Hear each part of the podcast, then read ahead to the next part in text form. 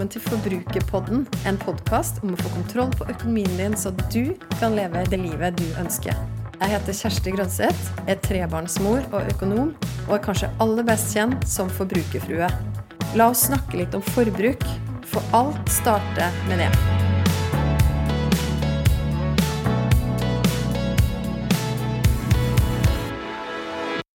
Og hvor, hvor starter man da? For noen som aldri har gjort det før. Hvis du er veldig villredd, så, så vil jeg bare kan sjekke den din egen bank. Eh, hvilke fondstilbud de har, eh, og begynne der. Det, er, det er ikke vanskeligere enn som så. Altså, det er bare et, egentlig et tastetrykk unna. Mange blir liksom forvirra av at ok, noe heter aksjesparekonto, noe heter IPS, noe heter investeringskonto. Men, eh, og det kan være fornuftig å sette opp en såkalt aksjesparekonto, ha sparinga si eller aksjefondsparinga si der. For all del, Det blir som nesten som en bankkonto der du har aksjefondene dine i. Ja. Men, eh, men begynn iallfall et sted, og så liksom tilegner du deg læring underveis. Så det kan også være lurt å kanskje bare begynne med noen Hvis du har tenkt å spare ganske mye, så begynn likevel kanskje med bare noen få tusen, 5000 eller 10 000. Sånn at du lærer deg hvordan du skal sette disse pengene videre. Det er ganske intuitivt hvis du bare går inn i banken. Det som du opplever, som du vil kunne oppleve i enkelte banker, er jo at forhåpentligvis holdt opp på å si, er tilbudet ganske stort. Forhåpentligvis er det ikke sånn at det er bare banken sine egne fond de tilbyr. Det er blitt mer og mer vanlig heldigvis at en bank tilbyr også konkurrentene sine fond. Og eh, et sånn greit råd holdt på å si, nesten for alle sparere, men spesielt hvis du er helt fersk og ønsker å kjøpe litt aksjefond, leit etter et såkalt globalt indeksfond, fordi de har klart laveste kostnader. og hva skal du si, er litt mer forutsigbare når det gjelder hvilken avkastning du får, for du får det såkalte markedsavkastningen. Ikke sant? Bra. Sånn at, og, og det her er virkelig superenkelt. Det kan jeg, Ja. det kan jeg skrive ned på. Fordi øh, inne i nettbanken til og med, inne på mobilbanken, i hvert fall i min bank, så kan man gå inn og opprette en aksjesparekonto og flere. Og velge fond. Ja. Eh, Og det jeg gjorde aller første gang jeg skulle velge et fond, var jo igjen da Finansportalen, eller man kan lese det eh, i et eller annet magasin, eller sånn, men se gjerne på de som eh, de, de globale indeksfondene som har gjort det bra da, de siste årene, og som, som har et lavt gebyr, Ja. Um, ja, som du også snakker om. Eh, gå inn, få en, eh, få en oversikt der, og så finner du det, sjekker du om banken har det, så kjøper du dine første andeler i fond. Ja, gjør det. Altså, jeg kan jo gi to konkrete anbefalinger som uh, iallfall i dine penger har terningkast seks eh, for indeksfondene, de globale. Det er vel et sånt DNB global indeks. Det er ikke så ofte at jeg skryter av DNB, og de har mange dårlige produkter, men dette er et godt et. Ja. Eh, og KLP har også et som heter oh, er det Aksjeverden-indeks, tror jeg. Fem. Aksje, aksjeglobal indeks 5. Har Aksjeglobal selv. indeksfond. Ja, ikke sant? Eh, Samme her. Jeg har både der DNB sitt. Eh, og ja, Vi skal ikke nerde for mye om disse fondene, men det er ikke nødvendig egentlig å spre pengene sine ved flere typer er ikke, Du trenger ikke kjøpe mange globale indeksfond. Du Mm. kan faktisk bare kjøpe ett, fordi de er egentlig klin like, stort Ja. sett. Eh, bare ulik kostnad. Og de to nevnte har, eh, er blant markedets laveste når det gjelder kostnader.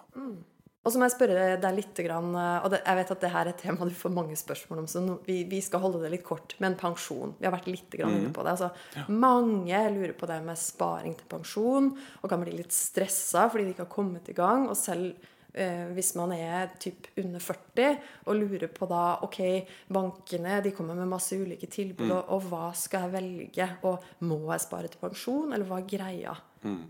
Si litt kort om det. Syns jo at de fleste under 40 kan stresse mindre med pensjon. Eh, fordi at igjen Et av stikkordene er bolig. Sørg for at du ikke setter av eller binder penger som gjør at din boligdrøm blir ikke blir realisert, hvis du skjønner. Mm. Iallfall hvis du setter penger i bundne spareordninger, som f.eks. IPS, ja, så har du mindre penger å bruke som egenkapital til ditt neste boligkjøp. Og Det syns jeg er litt viktig. At du har frie penger, hvis du kan kalle det det, eh, til å realisere dine, dine boligdrømmer. Eh, Du bør ha en bufferkonto. Du bør fylle på BSU-kontoen din hvis du Ja. er under 34. Du kan gjerne også spare i type produkt som BSU 2.0 eller BSU Start hvis du allerede har fulgt opp den vanlige BSU-en. Det gir den samme gode renta. Eh, og eh, pass på da, at ikke den sparinga du har tenkt å bruke til pensjon, eh, liksom ødelegger for, for boligplanene dine, økonomien i boligplanene dine. Og så mm, tenker jeg jo at eh, du bør jo finne ut hvilken, eller hvor god pensjon du egentlig vil få. Det gjør det veldig enkelt ved å gå på et nettsted som Norsk pensjon. Ja. Eh, Det er vel Nav som driver det, sammen med andre aktører. Da får du oversikt over din pensjon fra det offentlige. Du får oversikt over jobbpensjonen din, altså den såkalte innskuddspensjonen, som er bedriften som betaler inn til deg sjøl. Og du får, kan også få oversikt over enkelte andre pensjonsavtaler som du f.eks. har hatt i tidligere bedrifter. Fordi at Pensjonssystemet er jo en, på en måte en sånn tretrinnsrakett. Vi har folketrygden i bånn. 18,1% av alt det vi tjener, uh, iallfall inntil en viss inntektsgrense, det setter staten inn på din pensjonskonto. Jippi. Uh, men det er ikke nok. Uh, så de fleste har også en jobbpensjon. Dette er innskuddspensjon. Og da setter bedriften din inn 2 til gjerne 7 avhengig av om du er en raus bedrift eller litt gjerrig bedrift, inn på din pensjonskonto. Enda mer hvis du tjener eh, godt og bedriften har en spesielt god pensjonsordning, så kan du få opp mot 25% inn på din konto hver, Ja. hver, eh, hver måned. Så det er jo nesten det første budet, iallfall for de som er unge. Sjekk pensjonen, men fremfor alt, ikke glem den når du skal bytte jobb. Mange er så flinke til å se ok, jeg tjener kanskje 100 000 mer hvis jeg bytter jobb, men hva med pensjonsordningen? ja, ikke Det er sant? sant. Altså, hvis, det en, en, hvis du får 7 i dag, og du går til en bedrift som kanskje bare gir 3 eh, innskudd på pensjonskontoen din, Mm. så utgjør det også ganske mye. Og husk at det er jo skattefrie penger. i Den forstand at du betaler ikke skatt på, den, um, på, på, på det innskuddet. Du betaler først skatt når du skal ha pengene ut. Så det er et veldig godt frynsegode. Ikke sant? Eh, det Ikke her er det det. mange som glemmer. Men det er Ekstremt fordi at pensjon er litt sånn her åh, kjedelig, vanskelig, et eller annet. Men ja, eh, vi bryter det ned så enkelt som det. da. Sjekk kontrakten, eller se etter Ja. hva det står om pensjon. Og vurder det. Ta med det når du vurderer lønn og Det er totalpakka. Ja, det er spesielt for de som er litt yngre, og som kanskje bytter mer jobb enn hvis du er bikka 40. Og, eh, og um, i tillegg kanskje ikke har det samme De har andre behov, bolig osv., full av BSU-en, bufferkonto og sånt.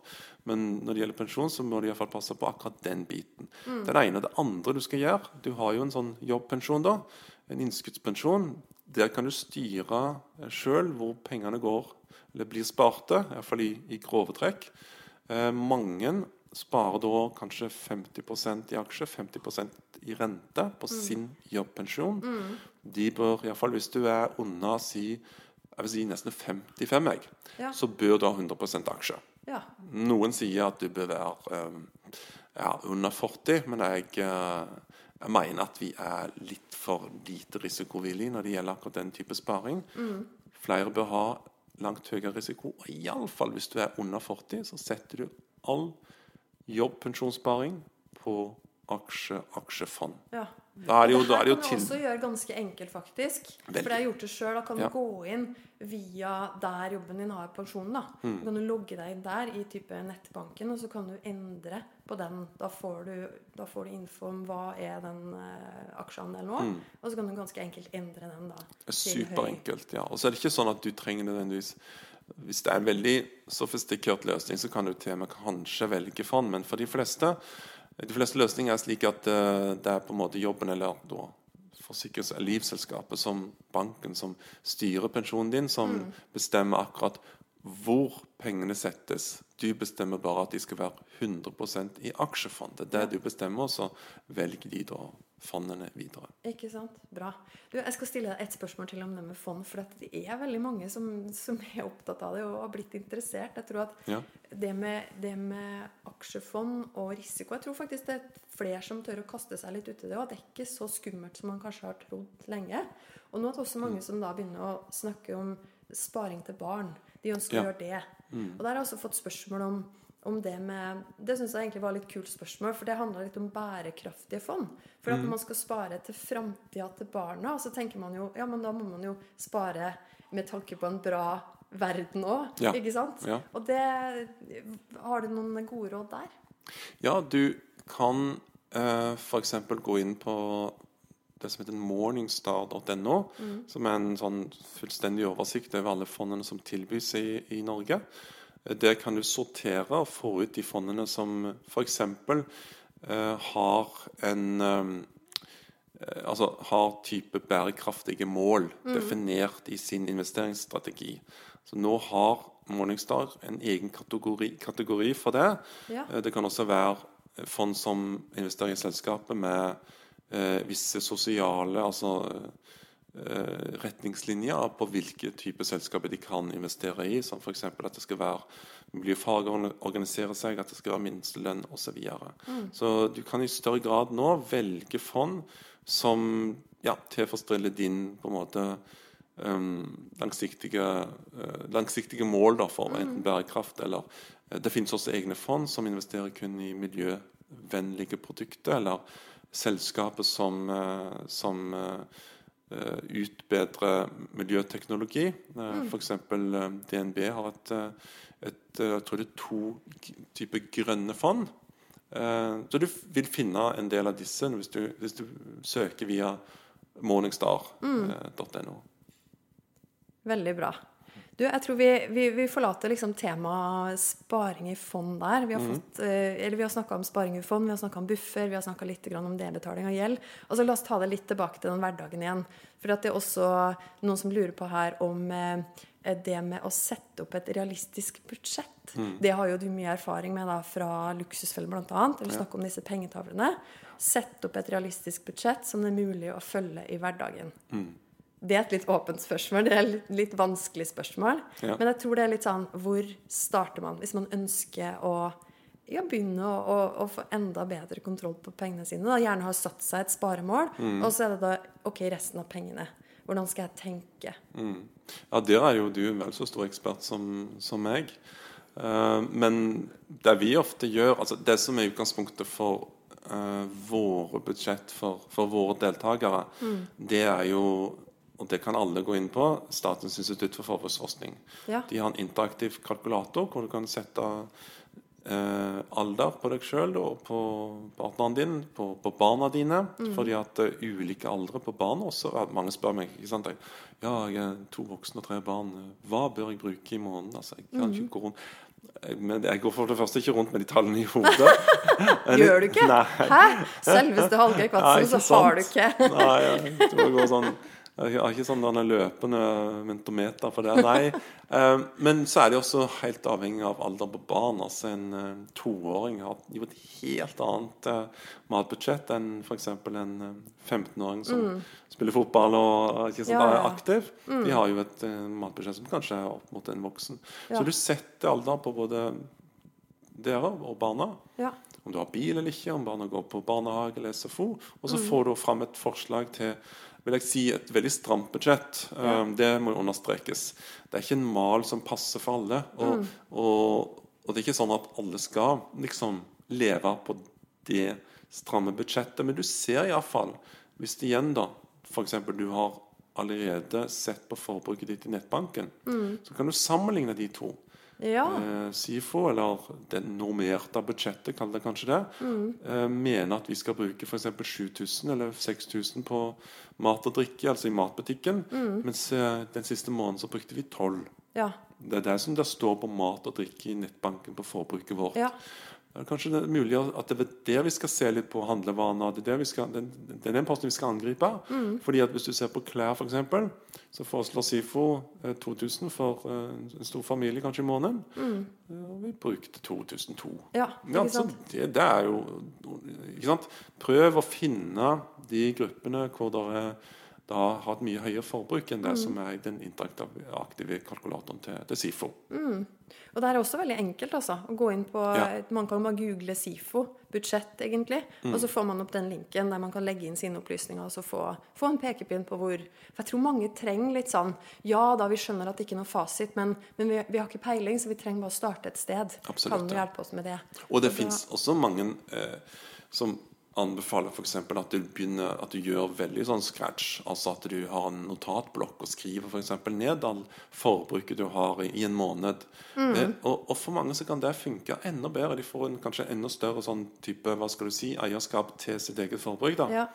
enn hvis de gjør eller sjekker dette bare i nettbanken. Kanskje ikke engang har en nettbank som måler forbruket. Så det er litt sånn opp til deg sjøl hva er det du eh, føler at du mm, behersker mest? Hva Ja. gir deg best oversikt? Er det den der mer virtuelle uh, svaret du får i nettbanken, eller er det ved å være konkret, samle på kvitteringer, sette opp hvert eneste kjøp, Ja.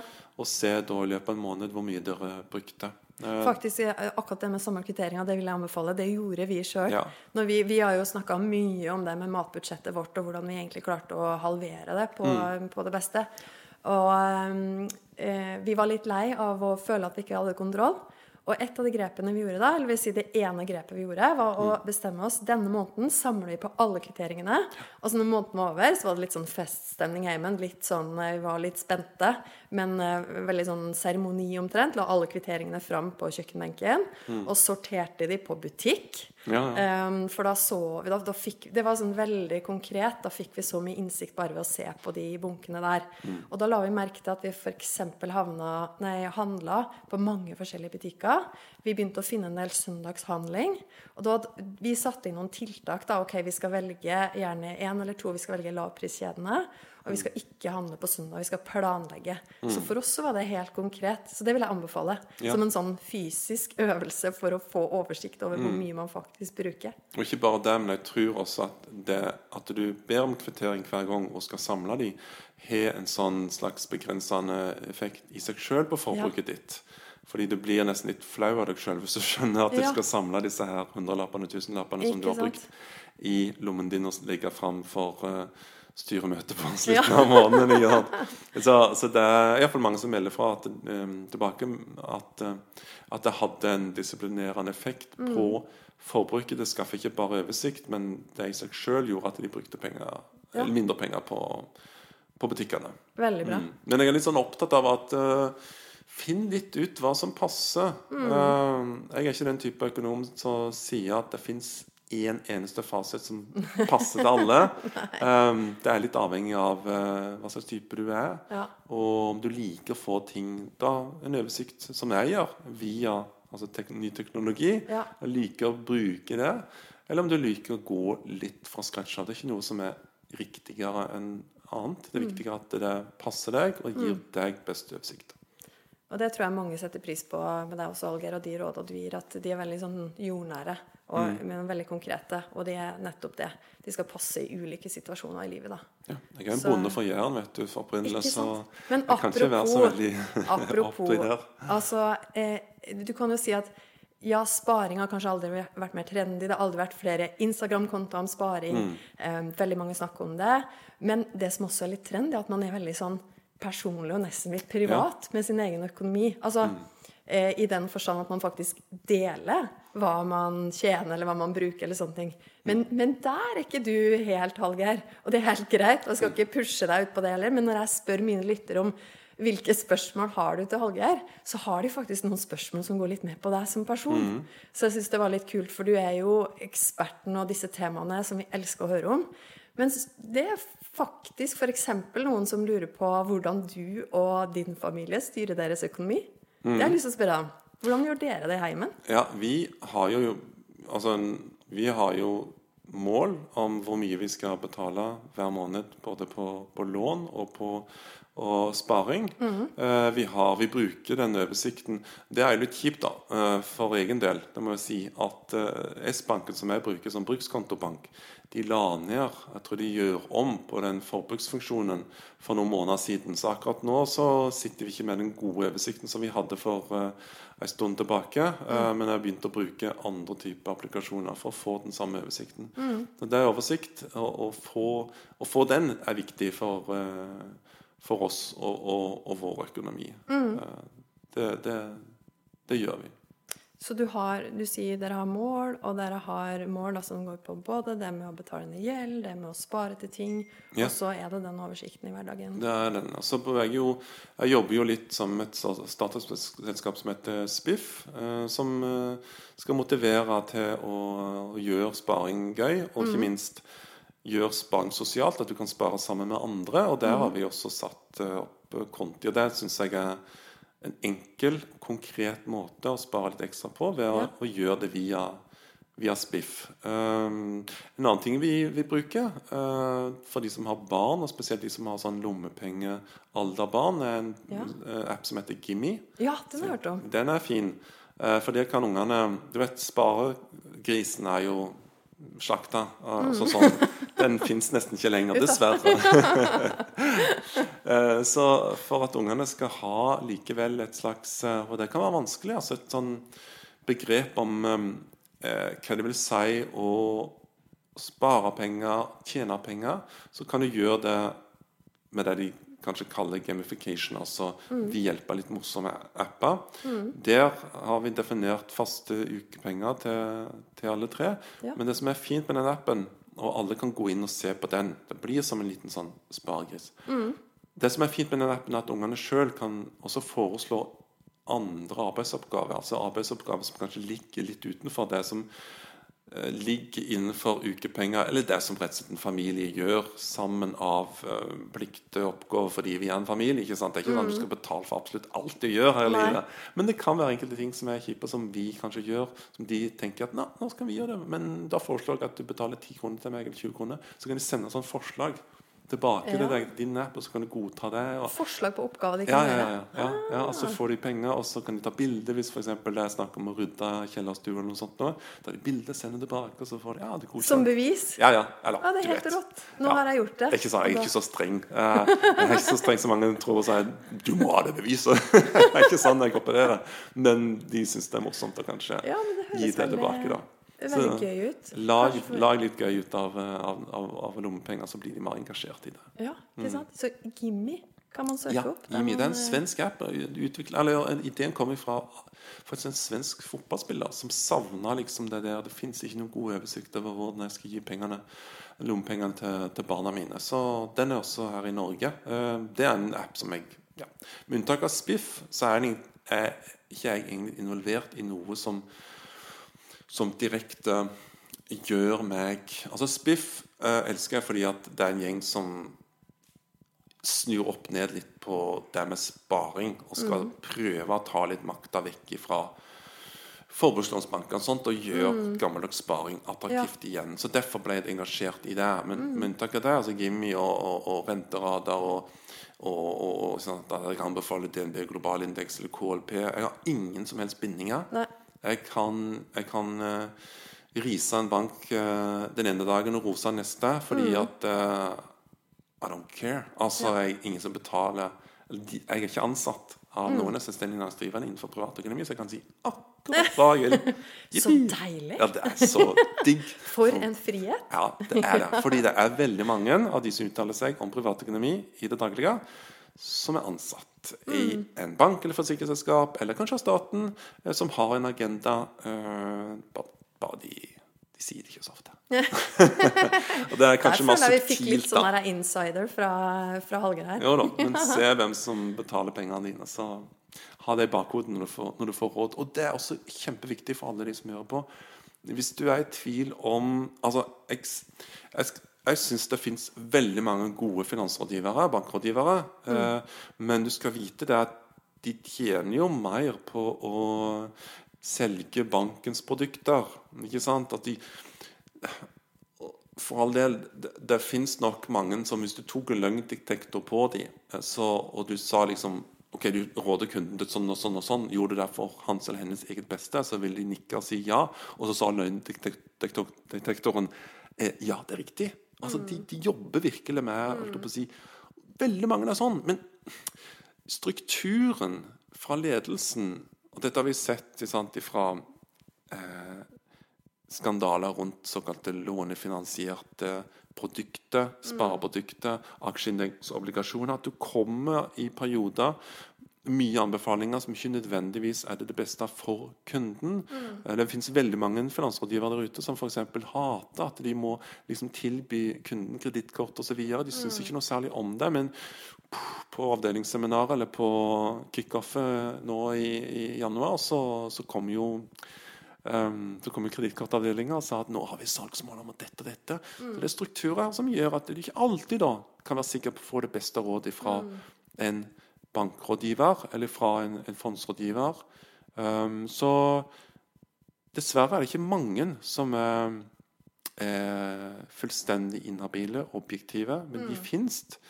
Ulempen er kanskje at du må betale litt for å få de rådene, men det kan ofte være, være, være lurt å gjøre. Mm. Så sjekk litt hvem som Sjekk rett og slett hvem som betaler pengene til den du snakker med. Ja. Det, er, det, er, en grei leveregel nesten i, i hele livet, ikke bare innenfor uh, privatøkonomiske råd. Ja. Apropos kredittkort, har du det? Å oh, ja, ja. Oh, ja, ja, ja. da. Jeg har, nei, nå har jeg to, så det er ikke sånn at han er ekstremt mange. Uh, fordi, og dette er jo heldigvis Selv kan jeg prate liksom om dette Når du snakker med aviser, så vil de gjerne ha bare én vinkel. Og da passer det ikke alltid så godt at jeg sier at jeg har f.eks. For kredittkort, fordi at det forvirrer av og til. Kommer det sånn Hallgeir Kvatsheim kriter? Ja, altså, kommer ja, ja. det sånne ja, nei, de gjør ikke det. De, de, nei, de gjør ikke det. For jeg argumenterer jo hvorfor jeg har det, og mener jo at uh, du kan si både forbrukslån ja Spesielt forbrukslån. Usikre lån er jo noen av de første lånene som ble tilbudt menneskeheten. Mm. rett og slett. Vi hadde ikke noe å pantsette. Ja. Men, og, og, det er helt naturlig av en bank å ha et forbrukslån i sitt produktspekter. Fordi mm. det er ikke alle som eier en bolig, ikke alle som eier en bil, ikke alle som eier ting de kan pantsette. Mm. Men de kan ha behov for penger likevel. Mm. Derfor er det viktig. Det er ikke sånn at vi må forby forbrukslån, mm. men det er bare at um, kredittvurderinga er altfor dårlig, og mm. reklamen er altfor slett. Mm. Det er liksom problemet. Og sammen med kredittkort. Kjempegodt produkt. Mm. Det blir litt oversolgt. For min del så har jeg kredittkort av to grunner. Det ene bruker jeg primært til jobbutgifter. Altså når jeg legger ut ting og skal ha tilbake. Da kan det jo være ganske høye utgifter hvis det er fly, hotell osv. Um, og da må jeg få dekka det, så får jeg kanskje dekka det en måned eller to etterpå. Det er det ene. Og det andre er bare et sett for å ha og kanskje mest det, for å ha en oversikt over uh, Å skille det ifra uh, min vanlige økonomi, sånn at jeg vet at dette er jobbutgifter. Uh, sånn hvis jeg bruker masse på fly en, i familieøkonomien altså, i en enkelt måned, så er jo kanskje bare alt jobbutgifter som skal få dekka. Det er bedre å ha det på et separat kredittkort. Mm. Det andre kredittkortet bruker jeg på ferie. Mm. Det bruker jeg på altså i utlandet. Og det bruker jeg på gjerne netthandel. Ja. Og ikke minst løpende abonnementer. Altså mm. strømmetjenester. Ja. Fordi du, du kjenner kanskje til, til altså, du, går på et en eller to eller tre måneders tilbud, det er gratis, mm. og så glemmer du det mm. når den perioden, gratisperioden er over, og så husker du lenge etterpå. Det er fordi at det forsvinner litt i den store sånn eh, det, det, sluket. Ja. Hvis du har det på brukskontoen din, hvorfor ikke heller ha det på et annet kort? Ja. Hvor du lett ser ja. uh, Ok, der, eh, der trakk Spotify jammen, og der trakk Apple meg, og der trakk uh, TV2 Sumo meg. Uh, kanskje jeg skal hmm, ikke ha det nå i sommer, for jeg ser så lite akkurat da. Mm. Du får en bedre oversikt over de tingene som du kan enten kutte eller, eh, eller ta, kutte ned på, eller ta bort. Eh, og ja, nettkjøp og kjøp i utlandet rett og slett fordi at jeg ja, du, du slipper litt styr, da. Du slipper, Hvis du skulle bli eh, svindla eller noe, så kan du har, mm, du har bedre oversikt, og jeg er ja. bare litt mer var på hva som kan skje hvis jeg er i utlandet, hvis jeg er innenfor eh, det norske banksystemet. Og det samme med nettkjøp også. Mm. Har de trukket meg riktig? Er dette en nettbutikk som er, liksom, har gjort dette på en riktig måte? Jeg liker bedre å få den oversikt og ta den vekk ifra det. Mm. Den vanlige brukskontoen min. Så det er liksom Men nå er jo du på en måte en sånn skikkelig disiplinert og strukturert person da, som kan ha et kredittkort. Men, men altså, jeg har faktisk kvitta meg med mine. Mm. Eh, og, og, og for min del altså, Jeg er også en relativt strukturert og disiplinert person. Mm. Men det som skjer med meg, det har jeg lagt merke til, at jeg bruker mer penger hvis Ja. jeg har kredittkort. Ja. Jeg gjør det. Helt ærlig, liksom. Jeg vet det bare fordi at eh, altså Mannen min han har kredittkort. Altså noen ganger så har jeg lånt det til skulle bare gjøre noe sånn nødkjøp. Mm. Så slang jeg med et par ting ekstra, fordi at jeg merka det jo ikke på konto Ja. med en gang. Og da tenkte jeg sånn Oi, har det blitt sånn? Ja, ok, det er helt greit for Mm. meg å bare holde meg unna. Og så har jeg tatt det tipset ditt da med disse abonnementene, men jeg bare har det på et, et van, eller egentlig en egen, eh, et eget kort som Ja. jeg ikke bruker måte, til mat eller disse tingene, da. Og den teknologien kommer, den er allerede utvikla. Den kommer til å komme at også folk flest kan få en applikasjon som viser hva som er de, disse strømutgiftene også. Så du trenger ikke ha et kort. eh, Men det er ikke, jeg tror ikke på Sparebanken Vest tror jeg har et prosjekt sammen med en sånn startup-selskap som skal på en måte vise da, hva du har i strømutgiftene. Men jeg tror ikke det er blitt, eh, at det er vanlig i hvert fall, eh, å få ut den oversikten så greit som du gjør eh, enn så lenge på, på et kredittkort. Mm. Det er fint du sier akkurat det du sier, fordi jeg tenker at det er jo ikke Igjen, da. Det er litt opp til en sjøl også. Jeg, jeg, jeg blir ofte spurt sånn, av studenter, f.eks. Ja, bør jeg ha et kredittkort? Er, er det ikke best å um, bare forby kredittkort uh, fram til du blir 25? Eller sånt? Nei, altså det er folk på 18-19 år som har stålkontroll på dette, og som bruker det, og som får disse bonusene hver måned som en, eh, en faktisk kan få. I, i? Um, kickbacks. uh, og som betaler hver måned. Så det, det, dette er litt det, det er jo bare så enkelt og så vanskelig som det er litt opp til deg sjøl òg. Lever du greit med dette kortet? Har du en struktur? Klarer du dette? Klarer du å betale det hver måned? Ja. Ja, for all del. Det har det mange fordeler. Og ikke minst at du har sånn, eh, en innebygd reiseforsikring, også en, en kredittkjøpforsikring. Men eh, merker du at du svetter litt på Og litt for ofte må liksom skyve på fakturaen, eller klarer ikke å betale hele beløpet, og det blir større og større. Og havner konstant litt bakpå. Ja, er Eller bruke sånn som det, eller merker du bruker litt mer når du har Ja. det. Ja, men så kvitter jeg med deg, da. Det er ikke, det er ikke nødvendig å ha det. Det er mange som tror det. At de liksom, Mm. Dette er nærmest en sånn ABC innenfor um, privatøkonomiske verktøy, som bankkort, kredittkort og sparekonto. Du trenger ikke, trenger ikke kredittkort. Og i hvert det. fall ikke brukt det som buffer. Altså, Nei, nei, nei, igjen ja. tilbake til det vi snakka Ja. om eh, litt tidligere nå, men spar penger til en egen buffer. Ja. Ikke tenk at kredittkortet skal være bufferen din. Nei, det er kan en være så eh, tydelige som det. 25 rentebuffer. Den er dyr, altså. Den er dyr. Mm. Er det riktig at du er glad i ost? Ja, det har jeg ja, faktisk fått ja. flere spørsmål Eh, om. Du må spørre Hallgeir om ost og hans forhold til julebrunost. Stemmer det. Det er min guilty, guilty, pleasure. Er det det?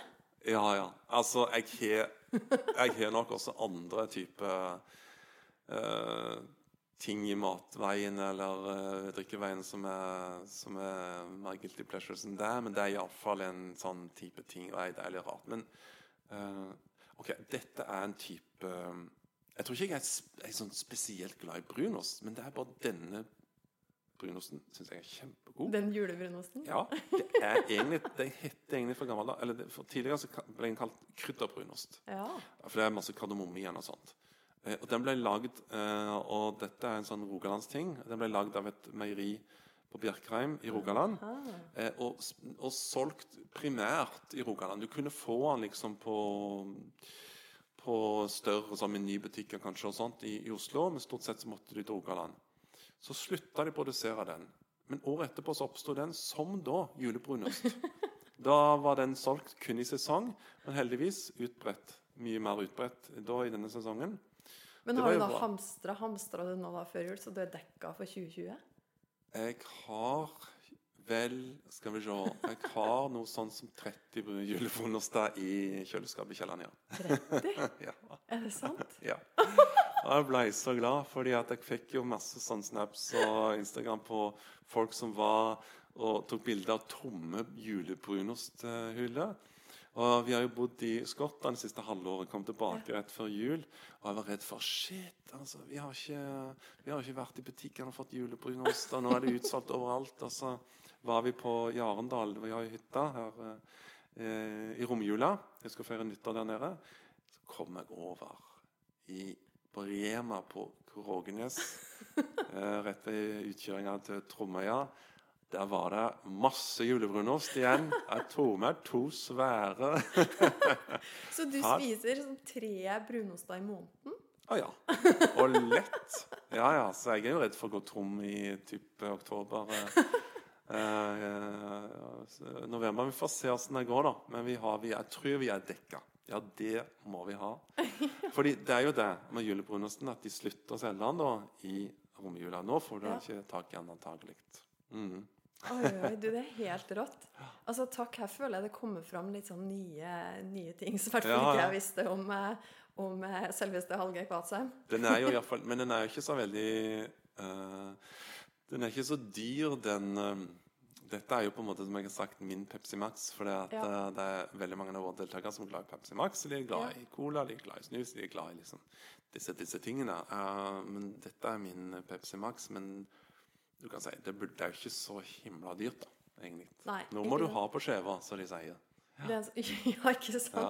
Og det er sånn der, ok, Hvis det her er din, eh, det du sløser mest penger på, så vil jeg si det er innafor. Nei, det er nok ikke riktig. Men, uh, men det er kanskje noe av det litt særere jeg bruker penger på sånn sett. Det er ikke alle som Særegent, Ja. kan si. Ja. Ja, ja, ja. Veldig, veldig, veldig fint. Du, eh, det har vært så fint å prate med deg, Hallgeir. Vi skal eh, gå mot avrunding av, eh, av samtalen vår. Mm. Men det, jeg pleier å spørre de som er gjester i den poden her eh, Jeg har jo bare en kjapp introduksjon først. Jeg har jo min egen det jeg kaller kakemodell, Ja, som er en måte å fordele pengene sine, det man får inn Mm. hver eneste måned, i noen um, ulike kategorier eller poster, om du vil. Mm. Så se for deg at hele den kaka, det er da nettoinntekten din, det du får inn på konto. Og så har jeg da i min økonomi, og det jeg snakker om, delt inn i fem kakestykker. Og de er da leve, altså levekostnadene. Og så er det nyte, som er da det du kanskje velger å Ja, det er lommepengene dine, det du velger å bruke for å nyte livet litt ekstra.